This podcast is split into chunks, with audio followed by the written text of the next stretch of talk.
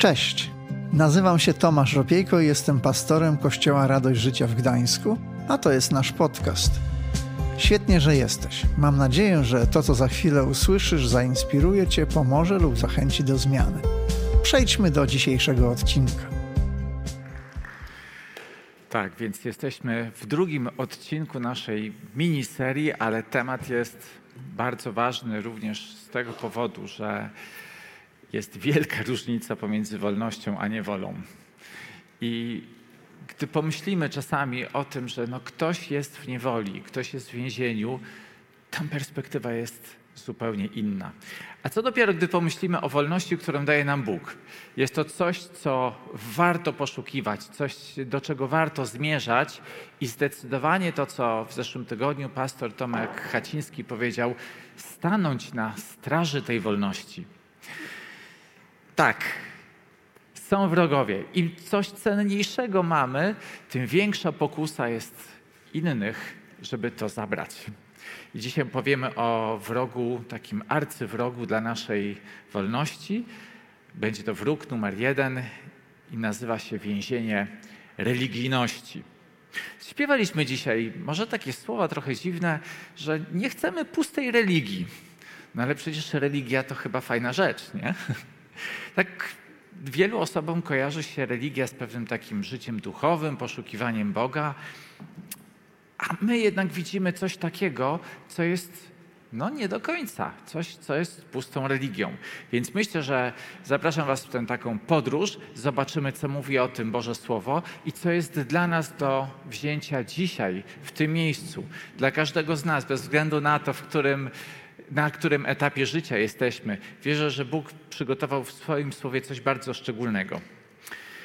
Więc y, przeczytajmy werset, który co prawda pojawił się w zeszłym tygodniu, ale myślę, że jest kluczowy. Będziemy trzymać się listu do Galacjan, ponieważ jest to dla nas pewien przewodnik, jak żyć w wolności i jak nie dać się okraść arcywrogowi.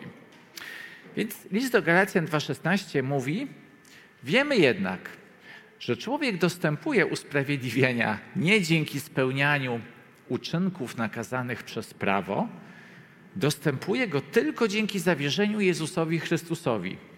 Dlatego my również uwierzyliśmy w Chrystusa Jezusa, by mieć usprawiedliwienie dzięki zawierzeniu Chrystusowi, a nie dzięki uczynkom nakazanym przez prawo. Bo dzięki uczynkom nakazanym przez prawo nie zostanie usprawiedliwiona żadna istota. No właśnie, apostoł Paweł tak założył, no przecież wiemy o tym, tak, że człowiek nie dostępuje usprawiedliwienia przez prawo, że to wszystko jest oczywiste, no ale jednak do Galacjan pisze. Galacjanie spotkali się z żywym Bogiem, z Ewangelią i z tego, co widzimy po kontekście i po historii, bardzo chętnie i z wielką radością Ewangelię przyjęli, ponieważ zobaczyli, że w Bogu jest rozwiązanie. Zobaczyli, że w Bogu jest pewność, o którą mówił w zeszłym tygodniu nasz kaznodzieja, że jest też taka pewność zbawienia, pewność sensu życia i pewność w tym, że możemy do Boga powiedzieć tatusiu, abba ojcze. Bardzo ich to poruszyło. Więc cóż, jeżeli poruszyło, to chcieli więcej. Jeżeli coś jest dobre, to szukamy więcej. No i sytuacja była taka, że przyszły jakieś osoby, które zaczęły Galacjanom tłumaczyć, no macie wolność, ale musicie teraz coś z tą wolnością robić. Musicie zacząć za nią płacić uczynkami. Musicie wpaść albo wykonywać pewne rytuały, które zapisane były w Starym Testamencie. Wiecie, nie chodzi o pewne standardy moralne, tak? Że mamy ludzi kochać, że nie mamy ich zabijać. To wynika z serca, ale pewne uczynki, które mają gdzieś zaprowadzić Galacjan dalej, aby mogli dojść do celu. No, ale co się okazuje? Nie doszli do celu. Wpadli w pułapkę.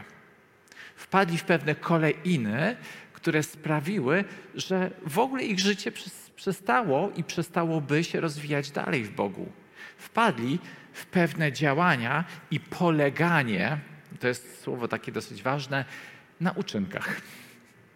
Ale wiecie, co jest ciekawe? To nie ci nierozumni Galacjanie. To jest coś, co dotyczy każdego z nas, ponieważ to jest natura ludzka. Chcemy zasłużyć na coś. Może dlatego, że wiemy, że popełniamy błędy, tak? Więc jeżeli popełniamy błędy, to chcemy zasłużyć na przebaczenie. I ciężko powiedzieć, czy to jest absolutnie złe, no bo rzeczywiście, jeżeli w stosunku do człowieka popełniłem błąd, no to wiadomo, coś muszę naprawić. Ale w stosunku do Boga, gdy próbuję uczynkami załatwić coś, co zrobiłem w swoim sercu, no to są to zupełnie inne waluty. Do Boga nie da się przyjść, nie da się go przekonać, mówiąc: Boże, spójrz, jaki ja jestem fajny, jaki jestem dobry, co zrobiłem. Y, przychodziłem do kościoła co tydzień, oddawałem ofiary dziesięciny, jestem dobry. Uczynkami żadna istota nie została zbawiona. Więc ludzie wpadli w pewne takie nieżyciodajne schematy. Myśleli, że będzie lepiej, a znaleźli się w jakimś kieracie. I nie wiedzieli o co chodzi. Dzięki Bogu do, dostali ten list do Galacjan i dzięki Bogu również my go dostaliśmy. Jest zapisany, ponieważ jest to pewna taka podstawa naszej teologii, tego jak rozumiemy Boga. No dobra. Socjologowie od lat zajmują się pewną dynamiką życia społeczeństw, grup, tym w jaki sposób narody się rozwijają, jak działają grupy, co się w nich dzieje. I oczywiście socjologowie zawsze interesują się takim aspektem życia społecznego, jakim jest właśnie religia. No nie sposób mówić o ludziach, nie sposób mówić o tożsamości, o grupach, jeżeli się nie spojrzy na ten aspekt, jakim jest ogólnie rozumiana religia, tak? Takie zjawisko, religia. Okazuje się, że religia jest w zasadzie w każdej kulturze. Czasami dla nas zupełnie niezrozumiała. Więc socjologowie postanowili, i tak cały czas do tego dążą, żeby troszkę stanąć z boku i poobserwować, czym się charakteryzują grupy ludzi, którzy mają jakąś religię, czym ta religia jest. No i rzeczywiście, gdy próbowano to uporządkować, zbadać dogłębnie, stwierdzono, że są takie trzy cechy, które mówią o religii. Otóż religia daje grupom ludzi pewne wspólne wartości, normy, wierzenia, coś, co buduje ich zbiorową tożsamość. No, i tak rzeczywiście jest. Jest grupa ludzi, wierzą podobnie, mają podobne normy, podobne wartości i czują się, więc często nadają sobie jakąś nazwę, tak? My jesteśmy taką i taką religią, my się nazywamy chrześcijanami, ktoś inny się nazywa inaczej, jest pewna tożsamość. Dla nas jest to wielka wartość de facto, tak? bo mamy tatusia, więc jesteśmy rodziną. Mówimy o sobie często bracia i siostry, bo siebie lubimy, bo siebie kochamy, bo jest coś, co nas łączy. Okej, okay, dobrze, socjologowie, punkt dla Was, może tak być. Drugą taką cechą jest poczucie sensu w życiu i odpowiedzi, jakich no, nauka nie zawsze jest w stanie nam udzielić. No bo po co żyjemy? Po co jesteśmy? Dokąd zmierzamy? Co się z, z nami stanie po śmierci? Więc religie ogólnie starają się na to pytanie odpowiedzieć. No i czasami dziwimy się, yy, patrząc, no jak to? Po śmierci będzie reinkarnacja, ktoś się przemieni w inne stworzenie. Dla nas to są czasami rzeczy obce, no ale mówimy jakby o pewnym zjawisku. I trzecim zjawiskiem, które towarzyszy każdej religii, i w zasadzie bez tego nie byłoby zasadniczo religii, to są pewne zrytualizowane praktyki, czyli czynności, specjalne czynności, które angażują wyznawców. Co to mogą być? Pewne zbiory przykazań, praw, reguł, właściwych uczynków, często zupełnie niezrozumiałych dla osób, które są spoza danej religii. Nie zawsze rozumiemy, ale po co wy to robicie, tak? Po co tak się zachowujecie? Po co są te urządzenia, narzędzia y, kultu, tak? No i właśnie. I tak to widzą socjologowie. Ale Paweł widzi to trochę inaczej, ponieważ ta definicja jakby nie do końca odpowiada listowi do Galacjan. Zauważyliście, w czym nie odpowiada listowi do Galacjan? No w tym punkcie trzecim, dotyczącym zrytualizowanych praktyk. No bo w liście do Galacjan 3, 10, 11 jest napisane dosadnie. Na wszystkich bowiem, którzy polegają na uczynkach prawa, ciąży przekleństwo. Gdyż jest napisane przeklęty każdy, kto nie trwa we wszystkim, co zostało nakazane w swoju prawa. To natomiast, że prawo nikogo nie usprawiedliwi przed Bogiem, jest rzeczą oczywistą dla Pawła. Czytamy przecież, sprawiedliwy z wiary żyć będzie. No właśnie, ale przecież religia to są właśnie rytuały, które musimy wykonywać, często złożone, skomplikowane. Paweł mówi nie. Dlatego dzisiaj śpiewaliśmy o pustej religii, o pewnych rytuałach, które nie są życiodajne dla człowieka.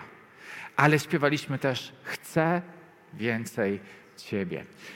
I to, co list do Galacjan mówi, mówi o tym, że chrześcijaństwo jest przede wszystkim relacją, czyli nasze spojrzenie jest na Boga, a nie na czyny, nie na działanie. Wiecie, że to ma ogromne konsekwencje w życiu każdego człowieka. W życiu tego, kto jest na początku, ale tego, kto już jest w tej wielkiej podróży na jakimś dalekim etapie. Lubię w ogóle porównanie życia do, do podróży. Jakoś mnie to od lat ujmuje.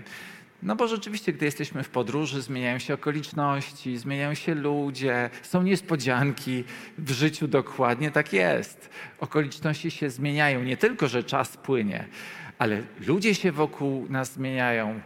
Ten facet, którego w lustrze widywałem, się zmienił, nie? Więc to jest szokujące. Więc życie jest pewną podróżą. Dlatego chciałbym dzisiaj powiedzieć o takich dwóch środkach lokomocji, transportu, które są znane od tysięcy lat. Jest to kolej i są to, jest to transport morski.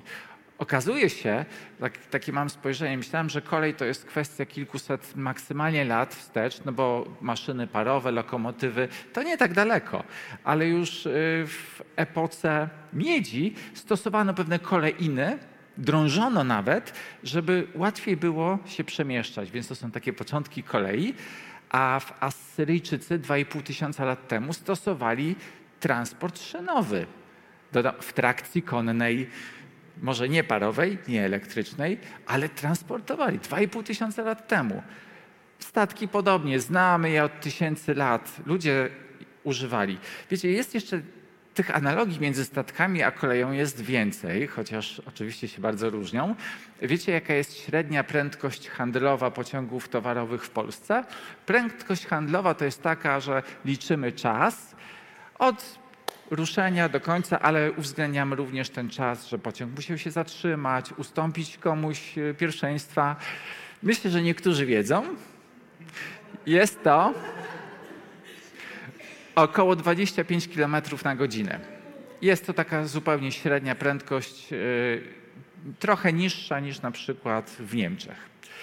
A jaka jest prędkość średnia statku kontenerowego, który płynie gdzieś tam z Chin do Europy? Nie, no muszę sprawdzić, szybciej płynie czy wolniej niż pociąg? wolniej, około 14 węzłów, czyli 26 km na godzinę. Więc bardzo, bardzo podobnie. A z czego to wynika, że po prostu jak płynie, to już płynie. Natomiast wiecie, ja bym nie chciał, aby moje życie duchowe było przyrównywane do kolejny. I chcę, żebyśmy zobaczyli na taki obrazek y, torów kolejowych. Powiem szczerze, ja jestem miłośnikiem kolei. Absolutnie tutaj y, bardzo lubię. Uważam, że kolej jest absolutnie potrzebna w gospodarce. Daje nam przepływy ludzi, towarów. Dla strategii Polski jest ważna, dla w ogóle cywilizacji człowieka. Y, lubię też y, transport morski, ale gdybym miał spojrzeć, to bardzo bym nie chciał, aby moje życie było wyznaczane jedynie przez dwa płoty. I nie możesz skręcić w lewo lub w prawo w swojej nawigacji życiowej, bo każdy taki ruch oznaczać będzie, że wypadłeś. Wiecie, wkolejenie pociągu po tym, jak on się wykoleił, to jest wielka sprawa. I nie ma czegoś takiego, że pociąg może sobie pójść oglądać krajobrazy.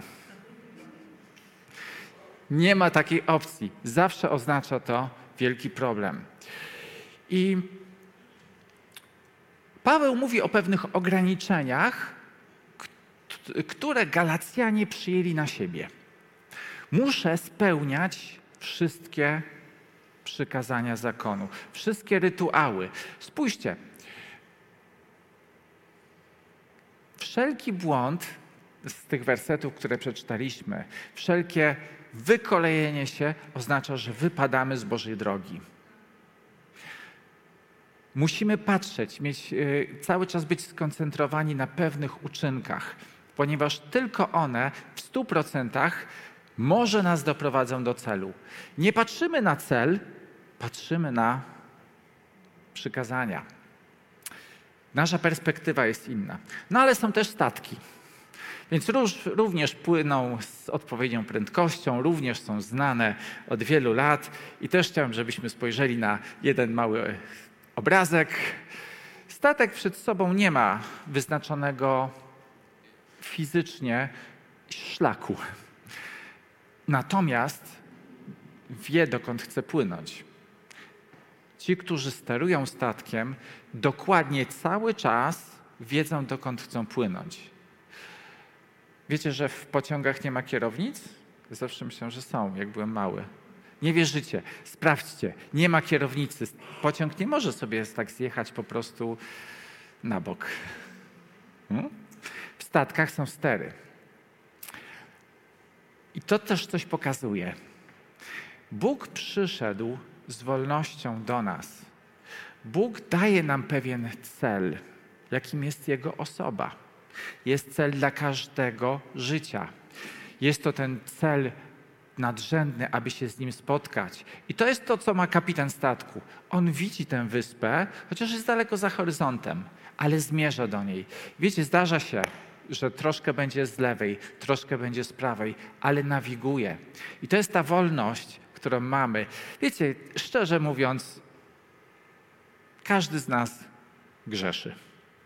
Każdy z nas mija się. Ale nikt z nas nie chce być wykolejonym. Każdy chce skorygować kurs i iść za Bogiem. I to jest właśnie ta pewność i wolność, którą mamy od Boga. Coś, co jest absolutnie cenne. I to jest właśnie pewien obraz religii. Religia nie będzie wcale dążyć do tego, abyśmy my byli skoncentrowani na Bogu, popełniając błędy, ale cały czas skoncentrowani na Nim szukającymi relacji, szukającymi tego, co jest dobre, fajne. Religia będzie nas ograniczała.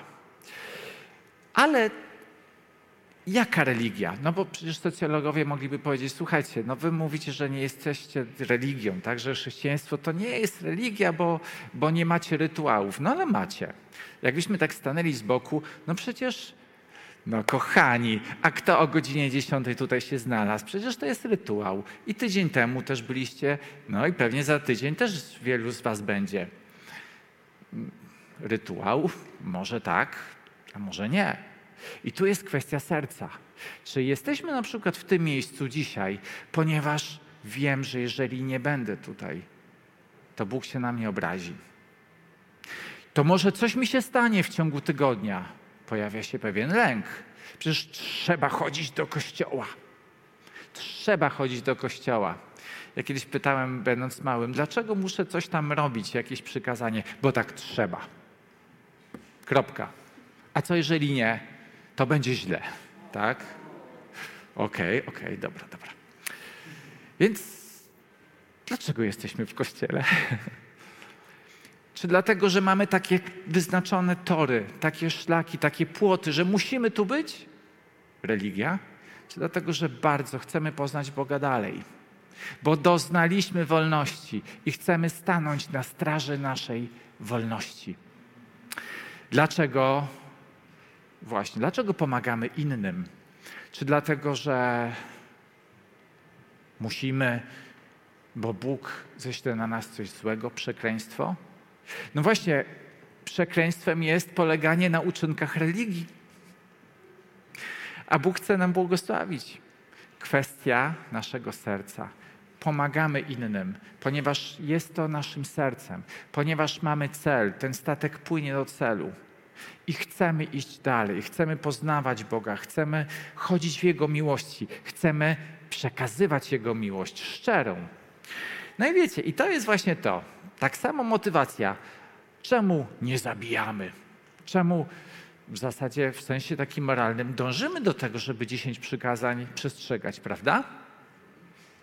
Ale czy to jest dlatego, że jeżeli nie będę ich przestrzegał, natychmiast moje życie się wykolei? Czy dlatego, że kocham Boga, chcę mieć relacje i chcę Go poznawać i chcę, żeby Jego miłość przemieniała tę ziemię? Kwestia serca. Religia sprawia często w nas poczucie winy. No bo zobaczcie, każdy ma swoje słabości i mocne strony. Naprawdę tak jest. I każdy z nas, jak pomyśli, to są rzeczy, które wychodzą lepiej i są rzeczy, które wychodzą źle. I czasami zmieniamy swoje tendencje. Jak się udaje, jest fajnie, ale potem czasami przyjdzie moment, że się nie udało. Co w nas się pojawia? Dyskomfort, poczucie winy, poczucie, że już jestem daleko od Boga. Czy to jest religia, czy to jest relacja? Poczucie winy często jest takim wskaźnikiem, że ojej, czy ja nie trafiłem do jakiegoś więzienia? Bo co innego jest poczucie winy, a co innego jest piękny głos Ducha Świętego zapraszający nas do zmiany. To jest zupełnie coś innego. Czasami jest tak, że ojej, ja zapomniałem się pomodlić. Mam spotkanie dzisiaj z klientem, zapomniałem się pomodlić. Pójdzie źle. Pójdzie źle, no bo Bóg, no to, że nie pobłogosławi, a co jeżeli jeszcze skarci, tak? No bo zapomniałem się pomodlić, nie? Znacie to? Znacie to uczucie? Ja czegoś nie zrobiłem. O, co to jest? Wiara, zawierzenie Bogu, czy religia, o której pisał apostoł Paweł. Z religią jest jeszcze taka rzecz, że jak coś nam nie wychodzi, to czujemy lęk. Czujemy na przykład takie poczucie dyskomfortu, znowu to zrobiłem, jestem zły. Nie? Tak jakby ta zasłona, którą rozdał Chrystus, szybko została zszyta bożymi nićmi. Teraz już nie masz dostępu do Boga. Znowu zgrzeszyłeś. Ale z drugiej strony, jak coś się uda, to się udało. W sumie to jestem całkiem fajny, nie? A zwłaszcza jak mam porównanie, bo mnie się udało, a tu koledze z kościoła się nie udało. Kto jest lepszy? Mm, wiadomo. I to jest druga rzecz. Jedna i druga nie jest życiodajna. Jedna i druga jest więzieniem religii. Bo jeżeli zauważymy w sobie, w swoim sercu to, że mamy tendencję, żeby kogoś osądzać, oceniać, no bo nam się jednak udało, więc jemu też powinno się udać, nie? To jest taki, to jest bardzo częste zjawisko w nas, ponieważ jesteśmy ludźmi i jesteśmy tak stworzeni, że mamy umieć odróżniać rzeczy jedne od drugich, tak? To jest, to jest w ogóle przejaw inteligencji. Odróżniamy zło od dobra, coś lepszego od czegoś gorszego, coś tańsze od droższego. Okej, okay. ale narzucanie norm drugiemu człowiekowi, ty jesteś gorszy, ponieważ nie pełnisz tych uczynków, które ja pełnię, jest właśnie tą pułapką religii. I tego nie chcemy. I o tym też mówi apostoł Paweł. Przeczytajmy list do Galacjan 2:21. Bardzo mocny werset. Nie lekceważę łaski Bożej, bo jeśli usprawiedliwienie osiąga się dzięki przestrzegania prawa, to Chrystus umarł daremnie. Wow, to jest takie, no, apostoł Paweł umiał dopiec, nie? ale przekazał bardzo ważną rzecz. Jeżeli zacznę polegać na tym, że jestem dobry, bo przestrzegam prawo, że będę bliżej, bo lepiej spełniam uczynki niż mój brat, tak? moja siostra, kolega, przyjaciel, to nie jestem w łasce. Hmm. Za parę chwil będziemy, jakby staniemy przed Bogiem po to, żeby się pomodlić, ale chciałbym, żebyśmy w tym czasie, który będzie, spojrzeli na swoje serce, ponieważ to przesłanie z Galacjan było pisane do chrześcijan. Ale też oczywiście jest zaproszeniem dla każdego, kto szuka Boga, kto jeszcze może bał się Boga, bał się przyjść, bo przecież jestem niedoskonały, bo przecież grzeszę, bo moje życie jest złe, bym chciał, ale jest za późno. Mój pociąg się dawno wykoleił. Bóg mówi, że jest wolność. Jest wszystko od początku. Jest uwolnienie z więzienia. Coś, co było trudne, duchowo niemożliwe, staje się w nim możliwe ze względu na krew Jezusa. Wiecie, ta wolność, o której mówimy, jest za darmo, ale nie jest bezwartościowa. Ona ma najwyższą wartość. To jest wolność, za którą zapłacono walutą, której nawet na ziemi nie mamy. Krwią Jezusa Chrystusa, Boga. To jest wartość tej wolności. To jest wartość tego, abyśmy mogli jej strzec, dbać o nią, patrzeć na nasze serca. Czy w moim sercu jest ocenianie? Czy w moim sercu jest poleganie na uczynkach? Czy w moim sercu jest piękna relacja i zaproszenie i wołanie: Boże, chcę więcej Ciebie. Bóg mógł stworzyć roboty. Sobie niedawno wyobrażałem, co gdybyśmy w kościele mieli takiego bardzo już inteligentnego robota. Cud bioinżynierii, z AI, sztuczna inteligencja, odpowiadałby właściwie na wszystkie pytania, znałby wszystkie wersety, służyłby w kościele, śpiewałby i grał. Byśmy go zaprogramowali, aby był ofiarny, byśmy założyli mu konto, wszystkie datki, które spływają, by przekazywał dalej byśmy go nawet nie poznawali, ale byłby robotem. Wszystko by robił jak trzeba i spełniałby wszystkie przykazania, bo nie mógłby inaczej. Czy chcielibyśmy tak, żeby takich pięć, pięć robotów było wśród nas? Nie? Trochę by pomogło, nie? W niektórych rzeczach. Nie chciałbym. Nie chciałbym. Kocham ludzi, którzy nie są doskonali. Ale nie ma chyba nic cenniejszego jak to, że możemy mieć relacje. Możemy nawet popełnić błędy, ale wracać do siebie. Możemy, owszem, zmagać się z niektórymi przeciwnościami, ale być razem. Wiecie, gdy sobie to tak zwizualizowałem tego robocika, stwierdziłem, Boże, chyba Ciebie rozumiem, o co chodzi. Ty nie chcesz mieć robotów.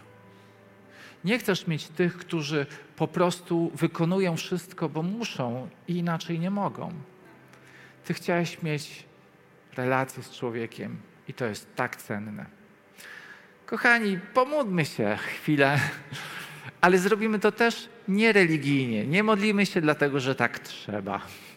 Powstańmy, ale dlatego, że chcemy więcej Boga w naszym życiu. Dlatego, Panie, dziękujemy Ci za tę wolność, która ma ogromną wartość. Panie, nie mamy takiej waluty. Nie możemy Ci się odwdzięczyć, zapłacić za to, co Ty uczyniłeś, choć nasze serca są bardzo wdzięczne. I Panie, chcemy patrzeć w nasze serce, czy jest w nich radość, czy oskarżenie, czy jest poczucie winy, lęk, czy może czujemy się lepsi od innych, a może czujemy się gorsi. Ale wiemy, że w Tobie jest wolność. W Tobie jest ta relacja pełna miłości, pełna celu. I Panie, przychodzimy do Ciebie, ponieważ chcemy pójść za Tobą. Chcemy pójść do tego celu, który Ty nam wyznaczyłeś. I być może modlisz się po raz pierwszy takimi słowami w swoim życiu. To jest właśnie zaproszenie, na które możesz odpowiedzieć i powiedzieć: Boże, miejsce, w którym jestem, nie jest idealne. Jestem grzeszny, grzeszę, ale zapraszam Ciebie. Zapraszam, abyś Ty przyszedł z Twoją sprawiedliwością, nie z moją. Zapraszam, abyś stał się częścią mojego życia. Panie, kochamy Ciebie.